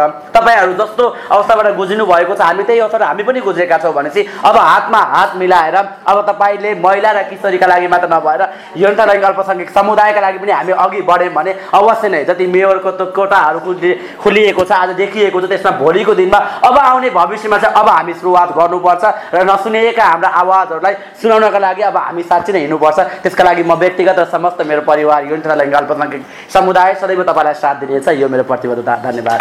म सरिता श्रेष अघि तपाईँहरूले अलिअलि चर्चा पनि गर्नुभयो। नेपाल कम्युनिस्ट पार्टी एकीकृत समाजवादीको उपसचिव। म थोरै मात्र कुरा राख्छु है। यो सबै उप भनेको चुप चाहिँ हुँदैनन् हो र पोलिटिक्स अल्टिमेटली पावरसँग पनि जोडिएको हुन्छ। द अन्ली थिङ इज तपाईँ कसरी त्यो पावर एक्सर्साइज गर्नुहुन्छ तपाईँले आफूलाई त्यो पावरमा राखेर कसरी प्रेजेन्ट गर्नुहुन्छ भन्ने चिज पनि होला भन्ने जस्तो लाग्छ मलाई चाहिँ। त्यही भएर सबै त्यो पदहरू जे जे छन् त्यसमा चाहिँ खासमा अहिलेसम्मको हाम्रो त्यो पदमा पुग्दाखेरिका हाम्रा जस्ता खालका अनुभवहरू र जस्तो खालको प्रेजेन्टेसनहरू हामीले देखिरहेका छौँ त्यसले गर्दाखेरि हामीलाई त्यो पदहरूप्रति नै एक खालको इरिटेसन हो। नत्र भने पद आफैमा त्यति धेरै इग्नोर गर्नुपर्ने विषय हो जस्तो चाहिँ मलाई लाग्दैन। यद्यपि जस्तो हामी जस्तो खालको जस्तो यो ब्या कल्चरल ब्याकग्राउन्डबाट हुर्किँदै सोच्दै भुल्दै आयौँ नि त्यसले चाहिँ हामीलाई फेरि त्यो हरेक उपहरू चाहिँ यो ठ्याक्कै यो प्रमुख पछिको पद हो कि भन्ने जस्तो त्यो खालको रियलाइजेसन गराइदिएको हो। यद्यपि सबैजना त्यसैमै फेरि खुसी हुनुपर्छ भन्ने चाहिँ छैन। अगाडि बढ्नुपर्छ सबैजना। मैले मात्र कुनै पनि पद आफैमा त्यति सामान्य या त्यति धेरै खत्तमै अथवा चाहिँ एउटा पद भयङ्कर महत्त्वपूर्ण हुन्छ पोलिटिक्समा जस्तो मलाई लाग्दैन भन्ने लागेर मात्रै हो। हामी सुरुवातमै हामी नेता खोज्दै थियौँ जहिलेसुकै नेता खोज्छौँ हामी। हामीलाई नेता भनेको जहिलेसुकै उही एउटा पुरुष व्यक्ति हो भन्ने लाग्छ क्या। भन्न खोजेको मेरो जुङ्गा पलाउँदैन भने म नेता होइन त्यो सोसाइटीले मलाई स्वीकार गर्दैन। आज म तपाईँहरूको बिचमा म नेकपा एकीकृत समाजवादीको जिल्ला अध्यक्ष नै भएर आउँथेँ भने पनि मलाई त्यति धेरै स्वीकार्नुहुन्थ्यो तपाईँहरूले भन्ने मैले त्यो फिल गर्न सकिरहेको छैन। किन सकिरहेको छैन भन्दाखेरि यो यही इन्भाइरोमेन्ट हो। किनभने म त यहाँ जागेश्वरी कमरेड हुनुहुन्छ जिल्लाको उपाध्यक्ष। आफ्नो ठाउँमा होला। यही ठाउँमा फेरि कुनै एउटा पुरुषै खोज्यौ नि क्षितिजी आउनुभयो माओवादीबाट। यस्तो आवश्यकता के? कहिलेसम्म खेताला खोजेर अनि त्यसपछि हामी आफ्ना लडाइँहरू अर्काले लड लड्देला भनेर बसिराख्ने हो। यसको बारेमा हामीले सिरियसली छलफलै गरेका छैनौँ। उठाउनु परेको छ आफ्नो मुद्दा सुनाउनु परेको छ आफ्नो दुःख खोज्नु परेको छ त्यही एउटा जुङ्गावाला मान्छे। एउटा के? अब यति यतिसम्म कि आज हामी यो पदका बारे बारेमा जति पनि छलफल गरेका छौँ नि अब भोलि बिहान प्रमुख महिला कतिजना आउँछन् भनेर पार्टीहरूभित्र छलफल गरेका छौँ। आज एउटा वार्डको सदस्य होला पार्टीको होइन? उसले चाहिँ भन्छ कि ल जागेश्वरी कमरेड तपाईँ प्रमुख उठ्न पऱ्यो अर्को आउँछ उपप्रमुख उठ्न पऱ्यो भन्न खोजेको त्यो खालको हिम्मत आउँछ कि एउटा वार्ड सदस्य केटोलाई। तर एउटा प्रदेशमा उठ्छु भन्दै गरेको होइन? प्रतिनिधि सभा उठ्छु भन्दै गरेको अथवा चाहिँ म मेयर हुन्छु भन्दै गरेको महिलालाई त्यो खालको कन्फिडेन्स आउँदैन किन आउँदैन भन्दाखेरि यही सोसल स्ट्रक्चर हो। हामीले यति सामान्य रूपमा लिएका छौँ कि हामीले राजनीतिलाई अथवा चाहिँ पदहरूलाई भन्ने जस्तो लाग्छ मलाई चाहिँ। र अर्को यो फेरि राजनीति के हो त आखिरीमा भन्ने हो। किनभने आज पनि हाम्रो विषय त फेरि पनि हामी भोलि बिहान कति प्रमुख हुन्छौँ अथवा चाहिँ कति प्रतिशत हाम्रो प्रतिनिधित्व हुन्छ भन्ने मात्रै छ। अनि त्यसो भए पद मात्रै हो त फेरि हामीले पुग्न खोजेको या जानुपर्ने गन्तव्य? हाम्रा मुद्दा राजनीति भनेको मुद्दा होइनन् राजनीति भनेको अभियान होइनन् भन्ने हो क्या? किन भन्दाखेरि तपाईँले अघि डाटा देखाए अनुसार त हामी त अब विश्वमै उत्कृष्ट रहेछौँ नि तेत्तिस पर्सेन्ट महिला सहभागिता त त्यहाँनिर रहेछ कानुनले हामीलाई दिएको छ। जबकि एकदमै धेरै डेभलप भनेको देशमा छैन। तर हाम्रो अवस्था छ त त्यस्तो। आज पनि मान्छेहरू दिनदिनै महिलाहरू बलात्कृत हुनु परेको छ र समाजमा चाहिँ पीडाको पक्षमा अथवा चाहिँ अभियुक्तको पक्षमा चाहिँ नारा जुलुस हुन्छ। अनि यस्तो समाजमा बसेर यो समाजले हामीलाई तेत्तिस प्रतिशत दियो भनेर अनि हामी मख पर्ने अवस्था छ त? छैन नि त। तर कसले सोच्ने त्यसको बारेमा भन्ने हो क्या? र यहाँनिर महिलावादको कुरा गर्दाखेरि ठ्याक्कै दुईवटा कुराहरू सम्झिनुपर्छ होला जस्तो लाग्छ मलाई। एउटा चाहिँ महिलाहरूमाथि हुने उत्पीडन अथवा चाहिँ शोषण सम्बन्धी चेतना। र अर्को कुरा भनेको त्यसलाई फेर्नका लागि गरिएको सचेत क्रियाकलापहरू भनेर यति दुईवटा कुरा होला हामीले महिलावादमा सम्झिनु पर्ने भन्ने हो। तर नेपालकै महिलावादका अथवा चाहिँ नेपालको नारीवादकै सन्दर्भमा कुरा गर्दाखेरि यति धेरै ट्विस्टिङ छ के? जसले यो महिलावादको लिडरसिप लिन खोजिराख्नु भएको छ अथवा चाहिँ हाम्रो मुद्दाहरूको अनरसिप लिन खोजिराख्नु भएको छ उहाँहरू बेला बेलामा एकदम धेरै धर्मराइराख्नु भएको छ। अब जति जति बेला चाहिँ बलात्कारका बारेमा अब यिनका सजायहरू चाहिँ बलात्कारको सजायहरूको त्यो तपाईँको ड्युरेसन लामो गराउनु पर्यो समय अवधि थप्नु पर्यो भनेर कुरा हुन्छ त्यति नै बेला फेरि हनी ट्रापिङको पनि कुरा हुन्छ सँगसँगै। हाम्रो मैदान आन्दोलनको अवस्था। आज कसले लिडरसिप लिगिराखेको छ भन्ने कुरा हो क्या? जति जति बेला महिला हिंसा धेरै भयो है अब यसलाई चाहिँ महिला हिंसामा परेका मान्छेहरूले न्याय पाउनुपर्छ भनेर भनियो भने त्यति त्यति बेला फेरि उहाँहरूलाई हो घर वरिपरिका पाँचजना सातजना दसजना पुरुषहरूले एकदमै भयङ्कर ठुलो हिंसामा परेको एकदम धेरै ठुलो रियलाइजेसन त्यही बेला हुन्छ। तर एभरेजमा हेर्दाखेरि कन्ट्रीको कन्टेक्स चाहिँ हो त। होइन होला नि त यसरी ट्विस्टिङ गरिएको छ मुद्दाहरूलाई भन्ने कुरा हो कि। हामी चाहिँ लहै लहैमा त्यहाँनिर हाम्रा प्रिय पात्रहरू हुन सक्छन्। हामीलाई मन परेका मान्छेहरूले ती कुराहरू बोलेका हुन सक्छन्। त्यही आधारमा नै हामीले चाहिँ के गरिरहेको छौँ भन्दाखेरि त्यो मुद्दाहरूलाई चाहिँ समात्ने र छोड्ने काम गरिरहेको छौँ। त्यो हाम्रो ग्राउन्ड रियालिटी एकदमै धेरै बिर्सिरहेका छन् र हामी बढीभन्दा बढी त्यो पपुलर कन्ट्याक्समा मात्र हामी कुरा गर्न रुचाइरहेको छौँ। यसले हाम्रो हाम्रो आन्दोलनलाई कहाँ पुर्याउँछ भन्ने हो? म थोरै कुरा के जोड्छु भने जस्तो हामीले पितृसत्ता र अब यो पितृसत्ता सँगसँगै हामीले क्यापिटलिजमको कुरा पनि सँगसँगै गर्नुपर्छ होला भन्ने जस्तो मलाई लाग्छ। किन भन्दाखेरि अब यो जतिखेर सुकै पितृसत्ता भनेर मात्र हामी उम्किन सक्ने अवस्था छैन र पितृसत्ता भन्ने बित्तिकै जहिले सुकै उही पुरुष टार्गेट भनेर न पुरुषले बुझ्न जरुरी छ न महिलाले त्यसलाई के अरे त्यसको मिसयुज गर्न हुन्छ जस्तो चाहिँ मलाई लाग्छ। किन भन्दाखेरि जस्तो तपाईँ यो जुङ्गा नभएका मान्छेहरू साडी नै लगाएर पनि उनीहरू पितृसत्ताका मतियार भएका छैनन् त हाम्रो समाजमा छन् नि त। आज महिला अधिकारका नाममा अनि त्यसपछि साडी लाएर अनि त्यसपछि अरू पोतेर आउँदै गर्दाखेरि उनीहरूले के महिलाहरूका मात्र कुरा बोलेका छन् त? कतिपय अवस्थामा त उनीहरू पुरुषका मतियार जस्तै भएर पनि त आएका छन् नि त। त्यहाँनिर पनि हामीले चिन्न जरुरी छ जस्तो लाग्छ मलाई। र अर्को कुरा यो पुँजीवादको कुरा गर्दाखेरि यस्तो त नाफा नोक्सानको कुरा गर्ने हो। म किन कुरा गरिरहेको छु भन्दाखेरि यो हामी पोलिटिक्सका कुरा गरिरहेको छौँ।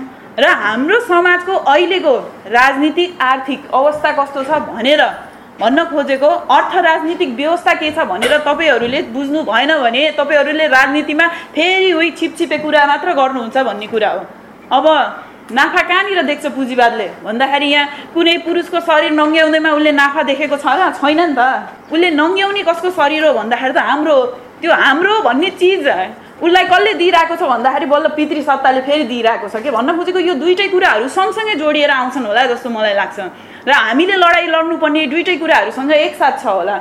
एउटा मात्र पितृ सत्ता मात्र चाहिँ होइन होला। यो पुँजीवाद पनि हामी सँगसँगै लड्नुपर्ने छ जस्तो मलाई लाग्छ। र अर्को कुरा यहाँनिर हामीले महिला मुक्तिका कुराहरू गरिरहँदाखेरि जस्तो यो महिलाहरू कसरी निजी सम्पत्ति जस्तो गरेर यहाँ समाजमा त्यसरी परिभाषित हुन पुगे त भन्दाखेरि यहाँनिर अलिकति थोरै मैले इङ्गेजको कुरा जोड्छु।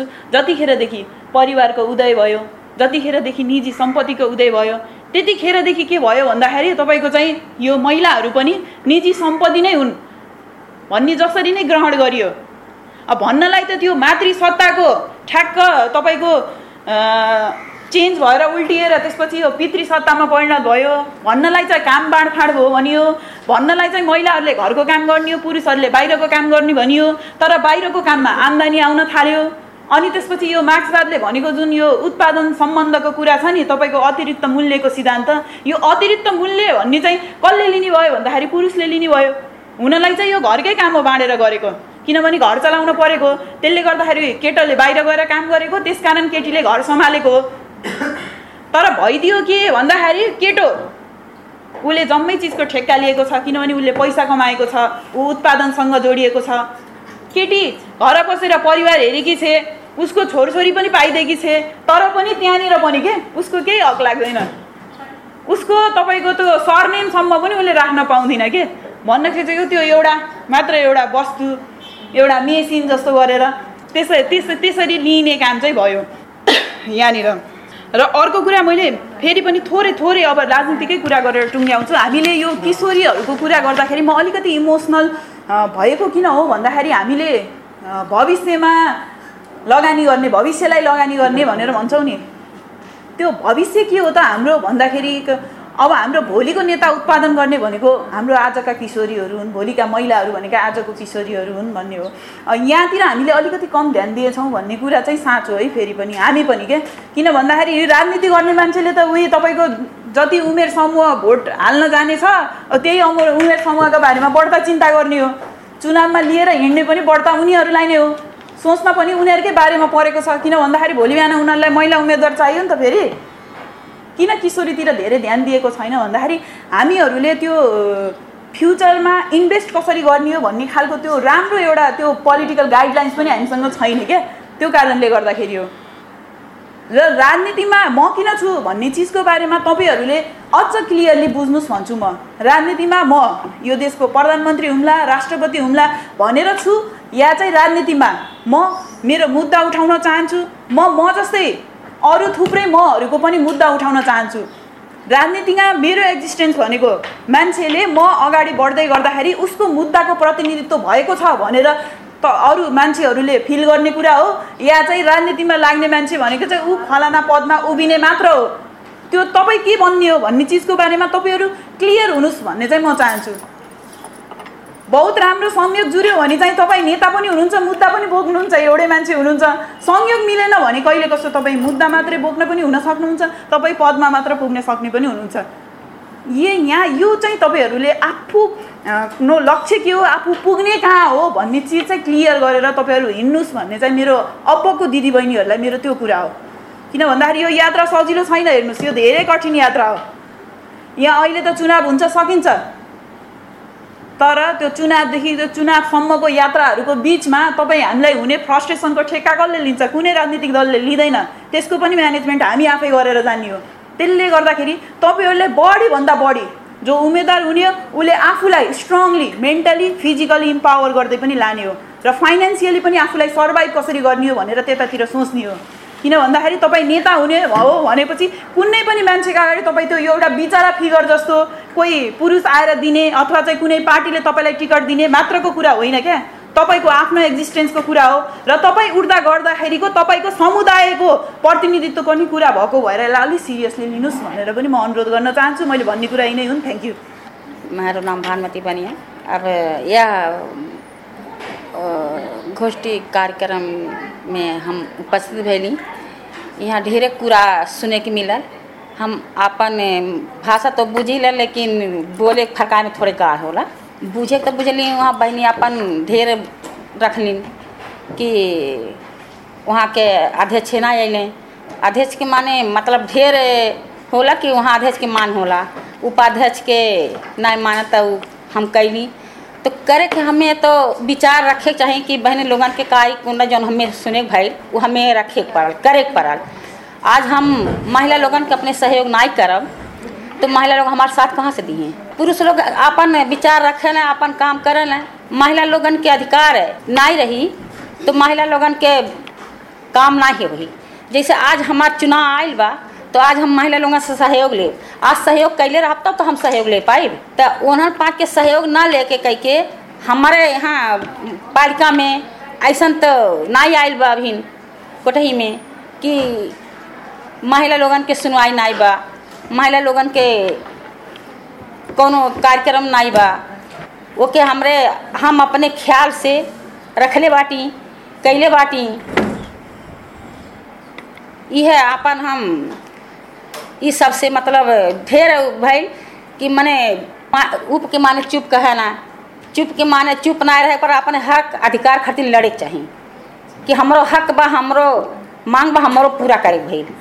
यह हम, अब हम हमके उपस्थित में यहाँ मैडम बोलैलिन, हम तो अपन सम्मान के लिए हम भैली तो हमके बोलन तो हम यहाँ पहुँच, पहुँचली। कि का कारण होकर तो हम पहुँचे पड़ल हमें ना। हम अटेर के तो घर में बैठली नहीं अबे कैली।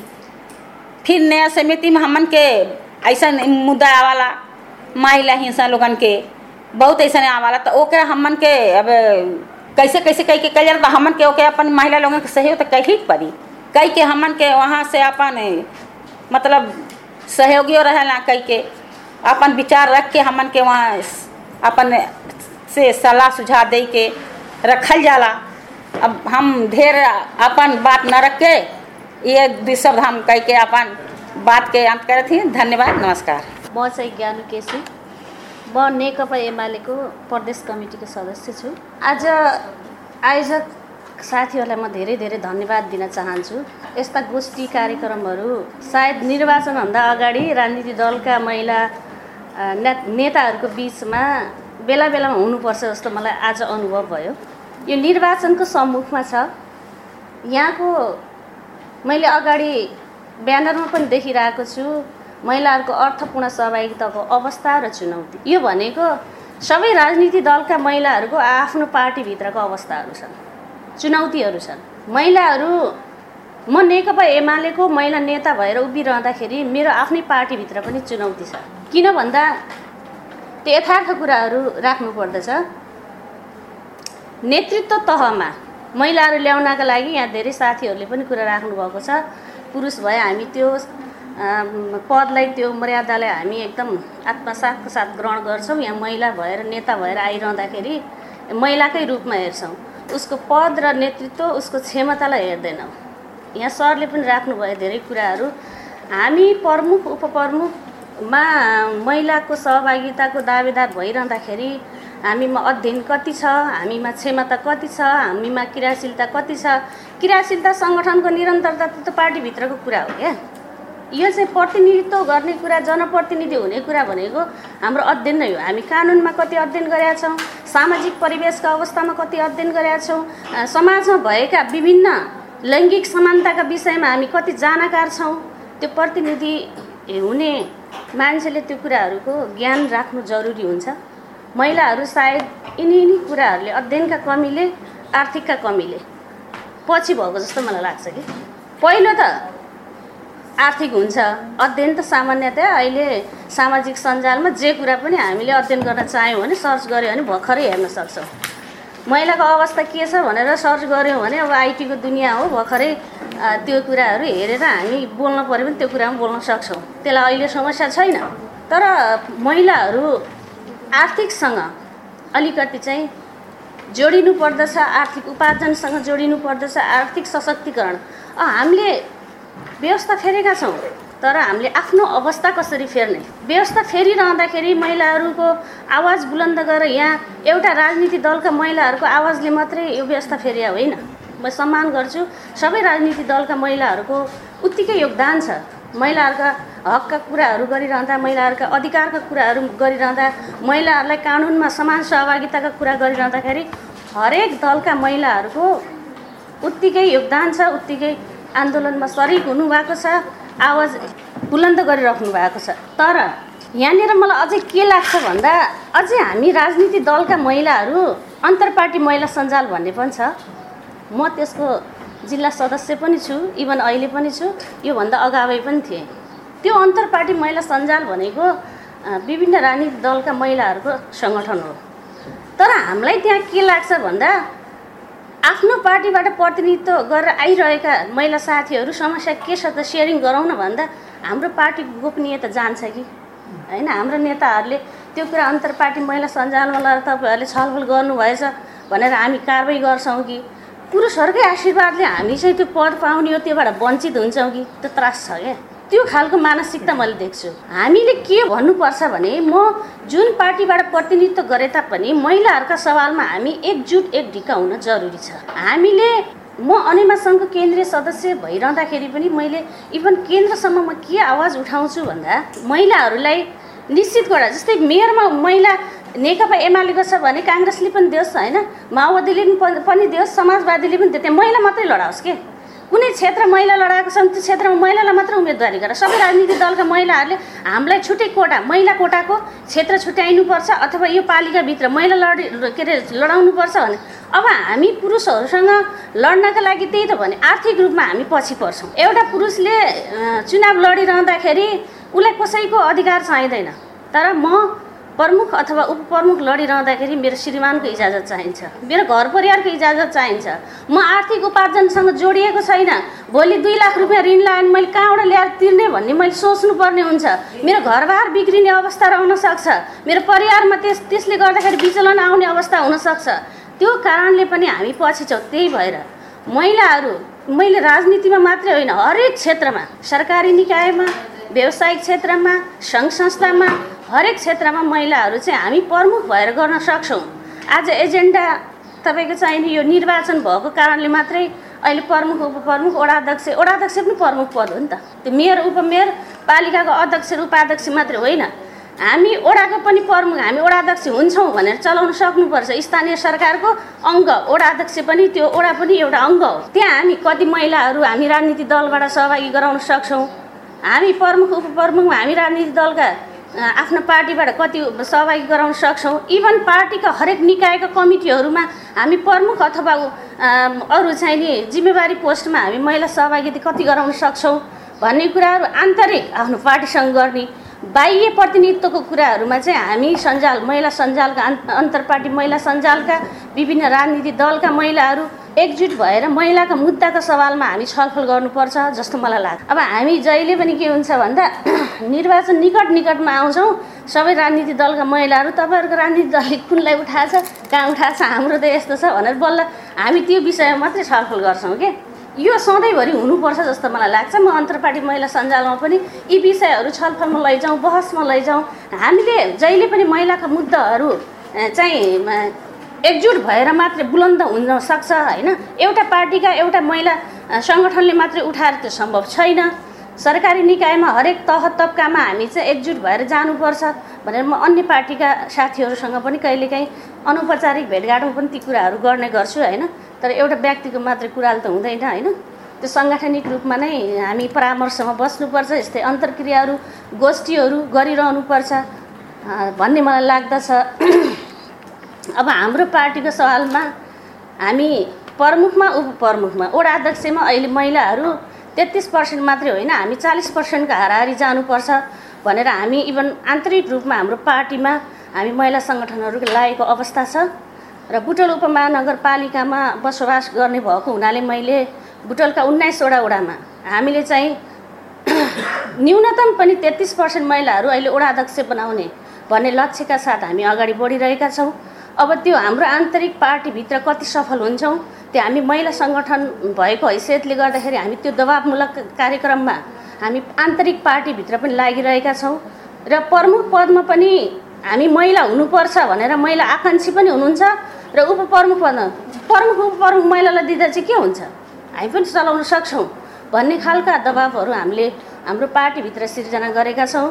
त्यस्तै सबै स यहाँ चाहिँ राजनीति दलमा सहभागी हुनुहुन्छ प्रतिनिधित्व गर्नुभएको छ साथीहरू। म के आग्रह गर्न चाहन्छु भने तपाईँहरू पनि आफ्नो पार्टीभित्र महिलाहरूलाई प्रमुख बनाउने पदमा इभन मैले भनिसकेँ पालिका स्तरमा मात्रै होइन ओडाको अध्यक्षमा पनि।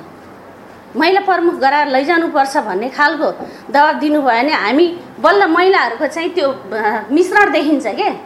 माओवादी साथीहरूले पनि यो ओडामा उठाउँदै हुनुहुन्छ एमाले उठाउँदै हुनुहुन्छ समाजवादीले उठाउँदै हुनुहुन्छ नेपाली काङ्ग्रेसले उठाउँदै हुनुहुन्छ। ल महिलाहरू त एकदम सशक्त भएर आउनुभएको छ है।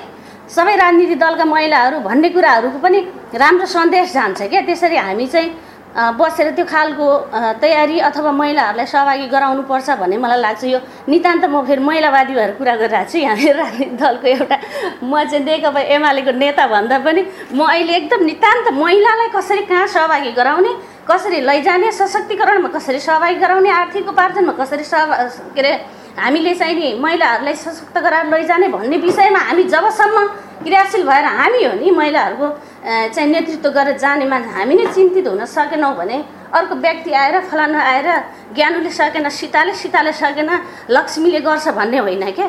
यही अनुहार हो। हामी महिलाहरूको चाहिँ समस्याहरू महिलाहरूलाई सहभागिताका कुराहरूमा महिलाहरूलाई आर्थिक उपार्जनसँग जोड्ने कुराहरूमा हामी चिन्तन हुने सरसल्लाह विमर्शहरू गरेर अगाडि बढाउने भनेको यही नेतृत्व टोली नै हो। त्यो कारणले गर्दाखेरि यहाँ जति पनि सहभागी हुनुहुन्छ राजनीतिक दलका नेता कमरेडहरूलाई म चाहिँ त्यो भन्न चाहन्छु आफ्नो आफ्नो पार्टीभित्र पनि महिलाहरूलाई प्रमुख गराउने सवालमा यो अहिलेको निर्वाचनमा मात्रै होइन। कमिटीगत रूपमा संस्थागत रूपमा हरेक सरकारी निकायहरूमा हाम्रा महिलाहरू अगाडि हुनुपर्छ। चाहे जुनसुकै पार्टीको किन नहोस् महिलाहरू त्यो प्रमुख पदमा जाँदाखेरि हाम्रो एकदमै चाहिँ त्यो समान रूपमा नै आवाज बुलन्द गरेर जानुपर्छ भन्ने मेरो अपेक्षा छ। मेरो नाम सीमा यादव हो र म म आफूले लेखेको एउटा सानो कविता यहाँ प्रस्तुत गर्न गइरहेको छु। कविताको शीर्षक रहेको छ उनी अघि बढ्दैछिन् मेरो कविता यस प्रकार रहेको छ। खुसीको मुहारमा छाप पर्छ दुःखको घरमा यदि कुनै जन्म हुन्छ छोरीको आँखा खोली देख्नु अघि नै संसार गर्छन् उनीहरूको मुटुमै प्रहार गर्छन् उनीहरूको मुटुमै प्रहार। कुप्रथा र विकृतिको जालोमा उनिएका चेली दिँदैनन् कसैले सहनशीलताको उपनाम फेरि। कुटपिट गर्छन् दाइजोकै बहानामा नलुकाउ ती दागहरू कसैको धम्की र सराहनामा। नलुकाउ ती दागहरू कसैको धम्की र सराहनामा। के अर्थ त्यो कागजी संविधानको मौन भई बसेको त्यो प्रशासनको पाएको छैन अझै शान्ति त्यो निर्दोष आत्माले खै त पाएको न्याय निर्मला र भागीरथीको आमा बुवाले खै त पाएको न्याय निर्मला र भागीरथीको आमा बुवाले कसैले झुमत कसैले देउकी कसैको ज्यान लियो त्यही छाउपडी के अर्थ त्यो भौतिक आधुनिकताको जब कि लागु हुन्छ परम्परागत सोचको भन्नलाई त हो यो लोकतान्त्रिक राष्ट्रिय मतको बाहुल्यतामा गरिन्छ यहाँ सत्ता। खै त कहाँ गयो त्यो राजनीतिको आँखा? देखेको छैन जसले महिलाको जनसङ्ख्या। खै त कहाँ गयो त्यो राजनीतिको आँखा? देखेको छैन जसले महिलाको जनसङ्ख्या। सुस्त होइन अब दृढ बनी आऊ। नारीको सङ्घर्ष यो संसारलाई देखाऊ। होइन नारी कुनै परनिर्भर कठपुतला सबल र सक्षम बनी गर नयाँ रचना। अन्याय र अत्याचारको विरुद्धमै भई खडा सम्पूर्ण नारीको हकको आवाज बनि लड। शोषण र दमनको त्यो दलदलबाट निस्कि आफ्नो पहिचान बनाउने तर्फ लाग। शोषण र दमनको त्यो दलदलबाट निस्कि आफ्नो पहिचान बनाउने तर्फ लाग। धन्यवाद। विशेष गरेर अघि आयोजक साथीहरूले केही कुरा राख्नुभएको थियो कि अब निर्वाचनलाई केन्द्रित गरेर। अहिले चाहिँ निर्वाचन नजिकिँदै गरिराखेको छ र महिलाहरूको नेतृत्वलाई कसरी सहभागिता गराउन सकिन्छ विषयमा? एक खालको छलफल गर्ने विषय रहेको कुरा पनि हामीले बुझ्यौँ। यो हरेक ठाउँमा महिलालाई नेतृत्व दिनुपर्ने जरुरी छ आवश्यक छ। हामीले चाहेको पनि त्यही हो। तर सबभन्दा पहिला मलाई के लाग्छ कि सबभन्दा पहिला परिवर्तन हुन पऱ्यो। सबभन्दा पहिला आफू परिवर्तन हुन पऱ्यो। आफ्ना कुराहरू राख्न पऱ्यो अगाडि चाहिँ सम्बन्धित निकायहरूमा ठाउँहरूमा आफ्नो कुरा चाहिँ राख्न पऱ्यो। तब मात्रै हामी चाहिँ हाम्रा अधिकारहरू प्राप्त गर्न सक्छौँ भन्ने लाग्छ। र सङ्घर्ष धेरै गऱ्यौँ। मलाई लाग्छ यहाँ सरोकारवाला साथीहरू धेरै हुनुहुन्छ।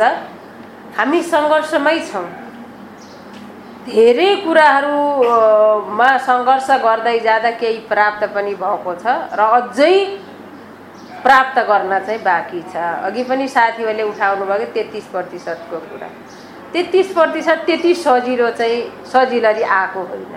धेरै आन्दोलनहरू भए धेरै सङ्घर्षहरू भए त्यस पश्चात प्राप्त गरेको एक खालको अधिकार हो। र त्यो संविधानमै लेखिएको भएर अहिले चाहिँ कार्यान्वयनमा चाहिँ भइराखेको छ।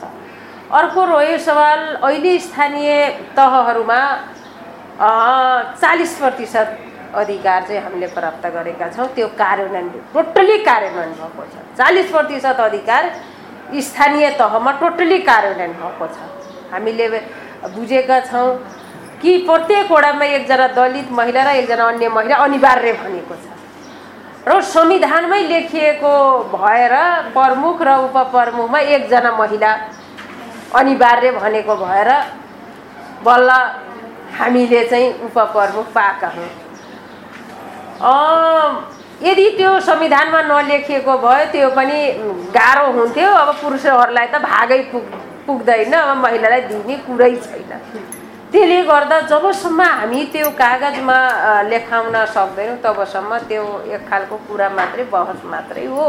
र अर्को कुरा के छ भन्दाखेरिमा अब जति पनि हामी अधिकार प्राप्त गरेका छौँ महिलाहरूको अधिकार हामीले कति पनि प्राप्त गरेका छैनौँ भन्न चाहिँ मिल्दैन। हामीले धेरै कुराहरू हामीले अधिकारहरू प्राप्त गरेका छौँ त्यसलाई चाहिँ स्ट्रिक्टली कार्यान्वयन गर्नपर्छ भन्ने कुरा नै। तर त्यो अधिकारलाई चाहिँ स्ट्रिक्टली चाहिँ कार्यान्वयन चाहिँ भएका छैनन्। भन्ने कुरामा मेरो जोडदार चाहिँ मेरो चाहिँ कुरा हो। अर्को रह्यो सवाल अब म प्रमुख र उपप्रमुखमा महिला भन्यो। तर धेरै जसो चाहिँ उपप्रमुखमा मात्रै महिला चाहिँ हरेक पार्टीहरूले एउटा पार्टीले मात्रै होइन कि हरेक पार्टीहरूले धेरै जसो चाहिँ उपप्रमुखमा महिला मात्रै उम्मेदवारी दिनुभयो टिकट दिनुभयो र अर्को कुरा के छ भन्दाखेरिमा हाम्रो एक खालको समाज महिलालाई नस्वीकारेको अवस्था पनि हो। हामीले चाहिँ यो पनि बुझ्नपर्छ महिलालाई हाम्रो समाजले हामीलाई त्यति सजिलो चाहिँ स्वीकार्न सकेको छैन हामीलाई पचाउन सकिराखेको छैन।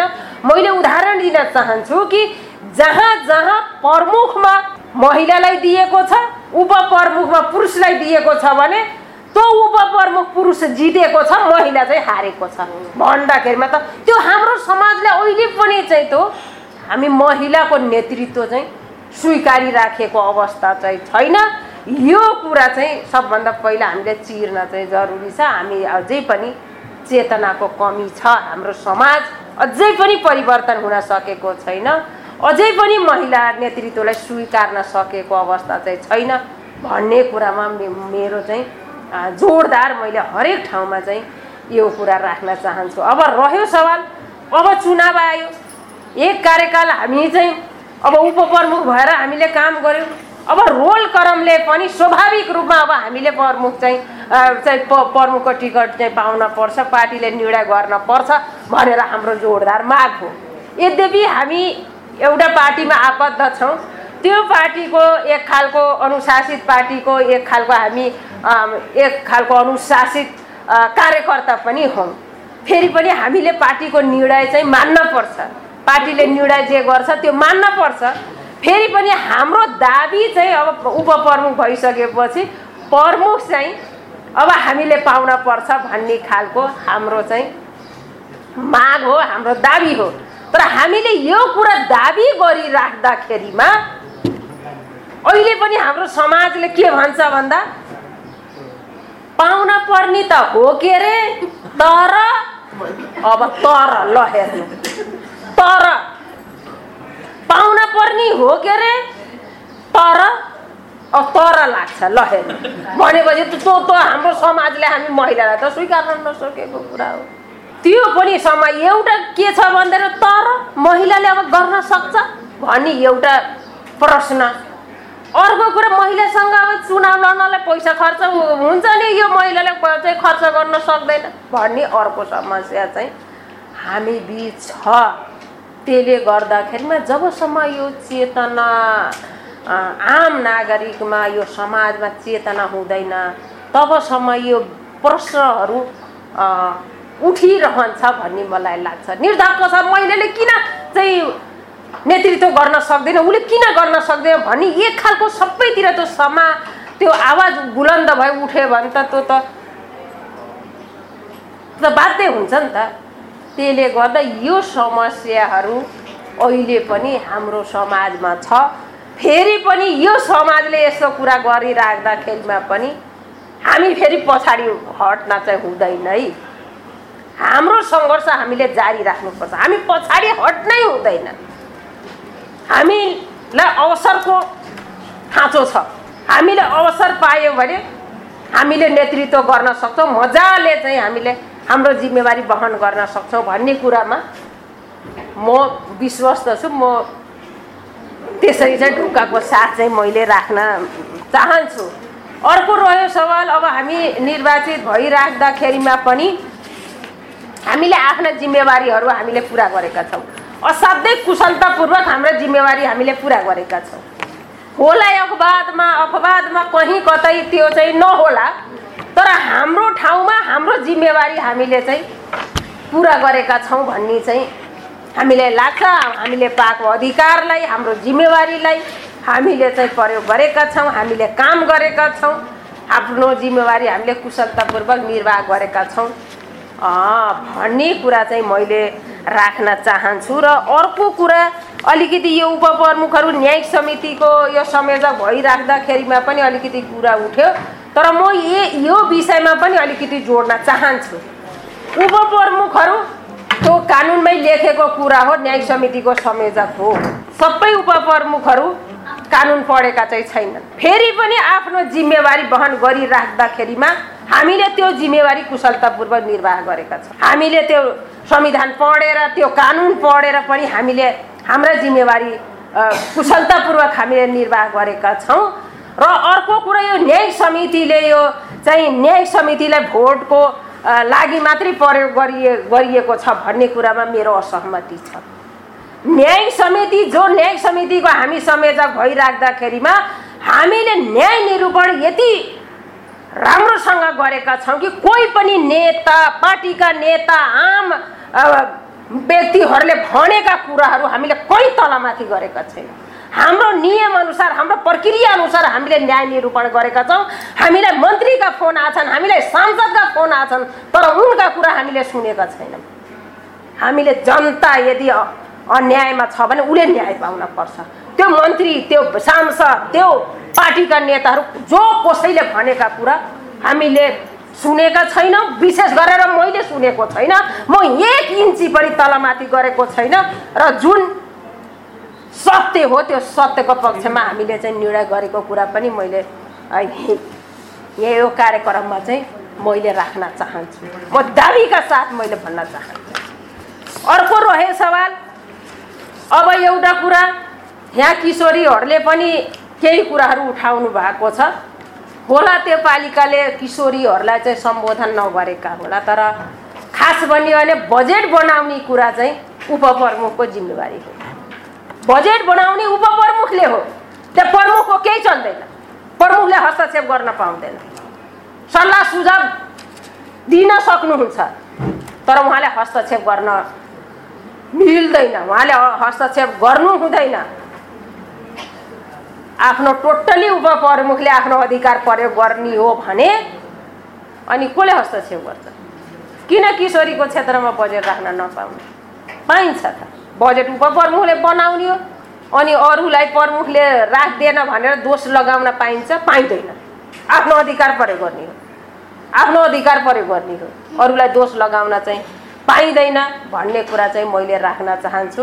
र उम्मेदवारीको कुरा पनि बहिनीले चाहिँ उठाउनु भएको छ। असाध्यै खुसी पनि लागेको छ। अहिलेको किशोरीहरू नै भोलिका नेता हो। तपाईँहरू राजनीतिमा पनि किशोरीसम्मको अधिकारका कुरा मात्रै गरेर पनि अब हुँदैन। तपाईँ राजनीतिक फिल्डमा आउनुहोस्। सम्बन्धित ठाउँमा पुग्नका लागि राजनीति गर्न जरुरी छ। जबसम्म हामी राजनीति गर्दैनौँ तबसम्म हामी सम्बन्धित ठाउँमा पुग्न सक्दैनौँ।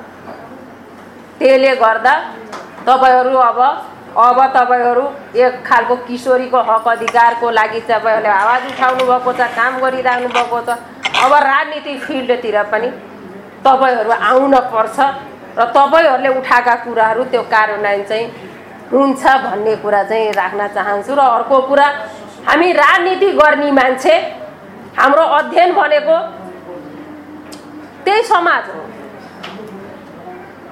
हाम्रो पढाइ भनेको हाम्रो अध्ययन भनेको त्यही समाज हो। त्यही समाजको विषयमा उसको समस्या के छ उसको आवश्यकता के छ उसलाई कसरी सेवा दिन पर्छ उसलाई कसरी सुविधा दिन पर्छ भनेर हामी त्यो समाजले पढेका छौँ। हाम्रो पढाइ त्यही हो। त्यो बिचमा चाहिँ हामीले काम गर्न सक्छौँ। भन्ने कुरा पनि मैले चाहिँ यहाँ राख्न चाहन्छु र मलाई लाग्छ अब यो लैङ्गिक समानताको कुरा पनि छ। त्यो त हामी सबै एकताबद्ध भएरै उठाएको उठाइराखेको कुरा यो लैङ्गिक समानता जरुरी पनि छ। अझै यो समानताको लडाइँ लडिराखेका छौँ अझै समता त कहिले आउने हो अब यो लैङ्गिक समानता भइसकेपछि त्यसपछि समताको लडाइँ हुन्छ। अझै त समता त अझै पुग्न अझै धेरै टाढाको कुरा हो तर समानता ल्याउन चाहिँ जरुरी छ। यसमा चाहिँ हामी सबै सँगै छौँ साथ नै रहन्छौँ। भन्ने कुरा पनि राख्न चाहन्छु र एक खालको अब हामीले यो लैङ्गिक मैत्री नगरपालिकाहरू बनाउने विषयमा अलिकति अभियानहरू पनि हामीले सुरु गरेका छौँ कार्ययोजनाहरू पनि बनाएका छौँ। र अघि त्यही हाम्रो स्लाइडमा घोषणा पत्रका काङ्ग्रेसको घोषणा पत्र देखाउनु भयो एमालेको घोषणा पत्र देखाउनु भयो अरू घोषणा पत्रहरू देखाउनु भयो तर तिलोत्तमा नगरपालिकाको एक खालको नेतृत्व गरिराख्दाखेरिमा हामीले हाम्रो पार्टीले गरेको घोषणा पत्र अनुसार लगभग नब्बे प्रतिशत काम चाहिँ हामीले सम्पन्न गरेका छौँ। दावाका साथ हामीले भन्न सक्छौँ कि तिलोत्तमा नगरपालिकाले नब्बे प्रतिशत आफ्नो घोषणा पत्रको काम चाहिँ पुरा गरेको छ। हामीले त्यो जिम्मेवारी चाहिँ कुशलतापूर्वक वहन गरेका छौँ र यद्यपि नगर प्रमुखको नेतृत्वमा हामी सबै जनप्रतिनिधिहरू एकमाना एकताका साथ हामी काम गरेका छौँ कहीँ कुनै पनि निर्णयमा केहीमा हाम्रोमा डिबेट चाहिँ छैन। हाम्रो सरसल्लाहबाटै सबै निर्णयहरू सर्वसम्मतबाट पास गरेर त्यो टिम चाहिँ असाध्यै चाहिँ एकताबद्ध रूपमा अगाडि बढेको भएर यत्र यति धेरै उपलब्धिहरू प्राप्त गरेका छौँ र आगामी दिनहरूमा पनि पक्कै पनि अब हाम्रो कार्यकाल पनि धेरै छैन। अब अन्तिम अन्तिम पनि छ। फेरि पनि एक खालको विधि हामीले बसालेका छौँ। एक खालको तिथि थिति चाहिँ हामीले बसालेका छौँ। अब आउने नेतृत्वले पनि पक्कै पनि त्यो विधिलाई फलप चाहिँ गर्नेछ भन्ने खालको चाहिँ एक खालको हाम्रो अपेक्षा पनि छ। अब यिनै कुराहरू राखेँ। मैले अब धेरै कुरा राखेन। फेरि पनि राजनीतिक दलहरूको विषयमा अब अलिकति हामी पनि एउटा पार्टीको राजनीति आबद्ध छौँ। यता जनप्रतिनिधि उता पार्टीको पनि जिम्मेवारी वहन गरिराख्दाखेरि बा हाम्रा पार्टीभित्र चाहिँ महिलाको सवालमा राख्ने कुराहरूमा हामी पछि पर्ने छैनौँ। हामीले असाध्यै महत्त्वपूर्ण भूमिका चाहिँ हाम्रा नेताहरूसँग चाहिँ हामीले राख्नेछौँ आफ्ना कुरा डटेर राख्नेछौँ हाम्रा कुरा त्यहाँ राख्नेछौँ र यी अधिकारका कुराहरू कार्यान्वयन गर्नेतर्फ चाहिँ कुनै पनि कन्जुसाइ चाहिँ गर्ने छैनौँ भन्ने कुराको पनि प्रतिबद्धता जाहेर गर्दै मेरो भनाइ अन्त गर्दछु धन्यवाद। हामीले राजनीतिमा र अन्य क्षेत्रमा महिला सहभागिता कस्तो छ निर्णायक तहमा महिलाहरूको सबल र सक्षमता कस्तो छ र अवसर पाएमा के गर्न सक्छन् भन्ने विषयमा सुनिसकेका छौं अगुवा महिलाहरूको अनुभव जस्ताको तस्तै। विशेष गरी महिलाहरूलाई अवसर सँगसँगै क्षमता अभिवृद्धि गर्ने तालिम दिन जरुरी छ। अवसर पायो भने अवश्य परिवर्तन सम्भव छ। यिनै विषयलाई सबै राजनीतिक दल र नेपाल सरकारले सोच्न र अवसर दिने समय आएको छ। आउनुहोस् यो अभियानमा तपाईँ हामी सबै सहकारी गरौँ र हरेक क्षेत्रमा महिला समावेशी सहभागिताको सुनिश्चितता गरौँ। यिनै कुराकानीसँगै हामी कार्यक्रमको अन्त्यमा आएका छौँ। यतिन्जेलसम्म हामीलाई रेडियो नजिक रहेर कार्यक्रम सुनेर साथ दिनुभयो। तपाईँलाई धेरै धन्यवाद। प्राविधिक कक्षबाट साथ दिने साथी मनिषालाई विशेष आभार प्रकट गर्दै म कार्यक्रम प्रस्तुता कल्पना पनि कार्यक्रमबाट विदा हुन्छु। नमस्कार। सुन्दै गर्नुहोला रेडियो मुक्ति।